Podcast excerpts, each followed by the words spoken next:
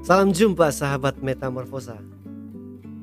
Sadar atau tidak sadar, kita selalu melibatkan pikiran kita di dalam segala aktivitas. Mulai dari bangun pagi hingga kembali tidur di malam hari. Bahkan di dalam keadaan tidur pun pikiran kita masih terlibat juga. Sehingga bisa disimpulkan kalau kehidupan kita ditentukan oleh apa yang ada di dalam pikiran kita. Kualitas kehidupan kita ditentukan dari kualitas pikiran kita.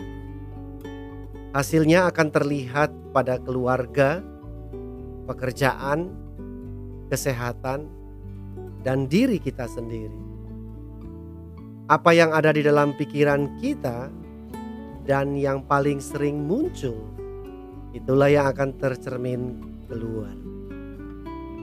Sebuah penemuan, penciptaan, pengalaman, bahkan sebuah kehancuran adalah hasil dari sebuah pikiran. Seseorang pernah berkata seperti ini: "Segala sesuatu diciptakan dua kali, yaitu yang pertama tercipta di dalam pikiran, dan yang kedua tercipta menjadi kenyataan." Saya punya sebuah kisah lucu tetapi bermakna untuk menutup episode kali ini. Ada seorang nenek melakukan kunjungan pemeriksaan giginya ke seorang dokter gigi. Nenek ini merasa di bagian belakang gigi gerahamnya ada kapas yang terselip. Dan ketika dokter gigi menyuruh nenek ini membuka mulutnya untuk memeriksa apakah ada kapas yang terselip di sana dan dokter gigi itu menjumpai bahwa ternyata tidak ada kapas di gigi geraham belakang nenek tersebut. Kemudian si dokter ini bertanya kepada si nenek, apakah nenek yakin ada kapas di giginya? Dan si nenek itu berkata, saya sangat yakin ada kapas di gigi geraham belakang saya. Dan Pak Dokter harus tahu bahwa ini sudah kali yang kelima saya datang ke dokter gigi yang berbeda. Dan dokter gigi yang lain berkata bahwa tidak ada kapas. Tapi saya sangat yakin ada kapas terselip di gigi belakang saya.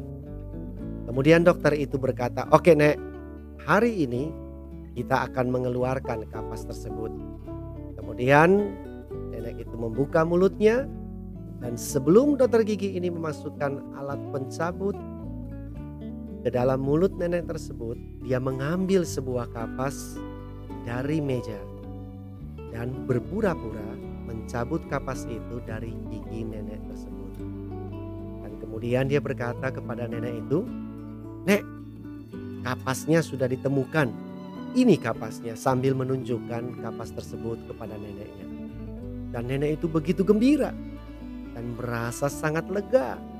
Dan nenek ini berkata kepada dokter gigi tersebut, "Terima kasih, Pak Dok. Saya sangat yakin ada kapas dan hari ini saya merasa nyaman sekali dengan gigi saya." Sahabat metamorfosa, apa yang kita bisa pelajari dari kisah ini?